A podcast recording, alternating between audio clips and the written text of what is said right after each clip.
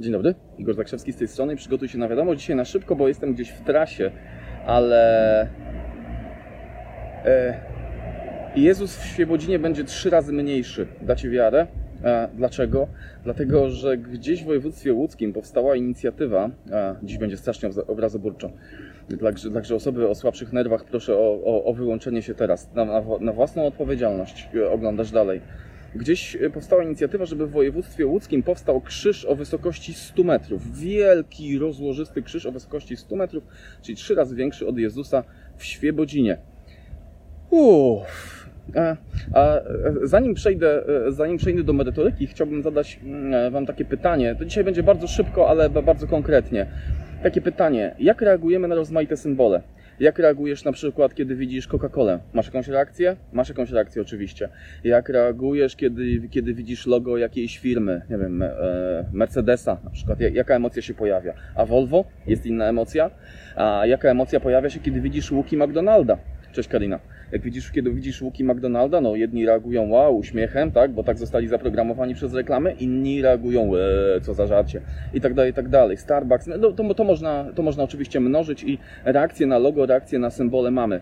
Eee, nie jesteśmy praktycznie wobec nich obojętni. Te, które znamy, nie jesteśmy wobec nich obojętni. Dlaczego? I tutaj, tutaj dochodzimy do czegoś. Mam nadzieję, że zrozumiecie przekaz, bo to nie chodzi o atakowanie kogokolwiek, to o czym dzisiaj, to, o czym dzisiaj powiem.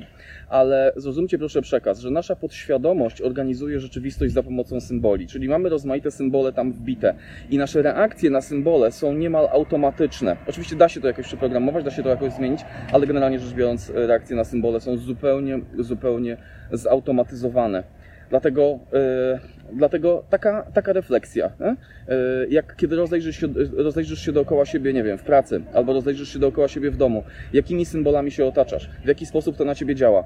Czy chciałbyś, żeby mi było miło, przyjemnie, sympatycznie, żeby była, e, żeby była atmosfera dookoła sympatyczna?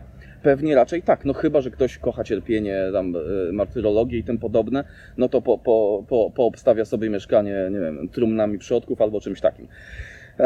Czy, nie, nie wiem, co, co tam może mi przyjść do głowy, jakie symbole mogą wywoływać konkretne emocje, bo do tego piję, że każdy symbol wywołuje jakieś konkretne emocje. I teraz e, oczywiście nie mam nic do tego, że ktoś na prywatnej działce za prywatne pieniądze postawi sobie krzyż nawet i 200 metrów pod warunkiem, że dostanie odpowiednie zgody, tam nie wiem, pewnie Urzędu Lotnictwa Cywilnego albo coś takiego.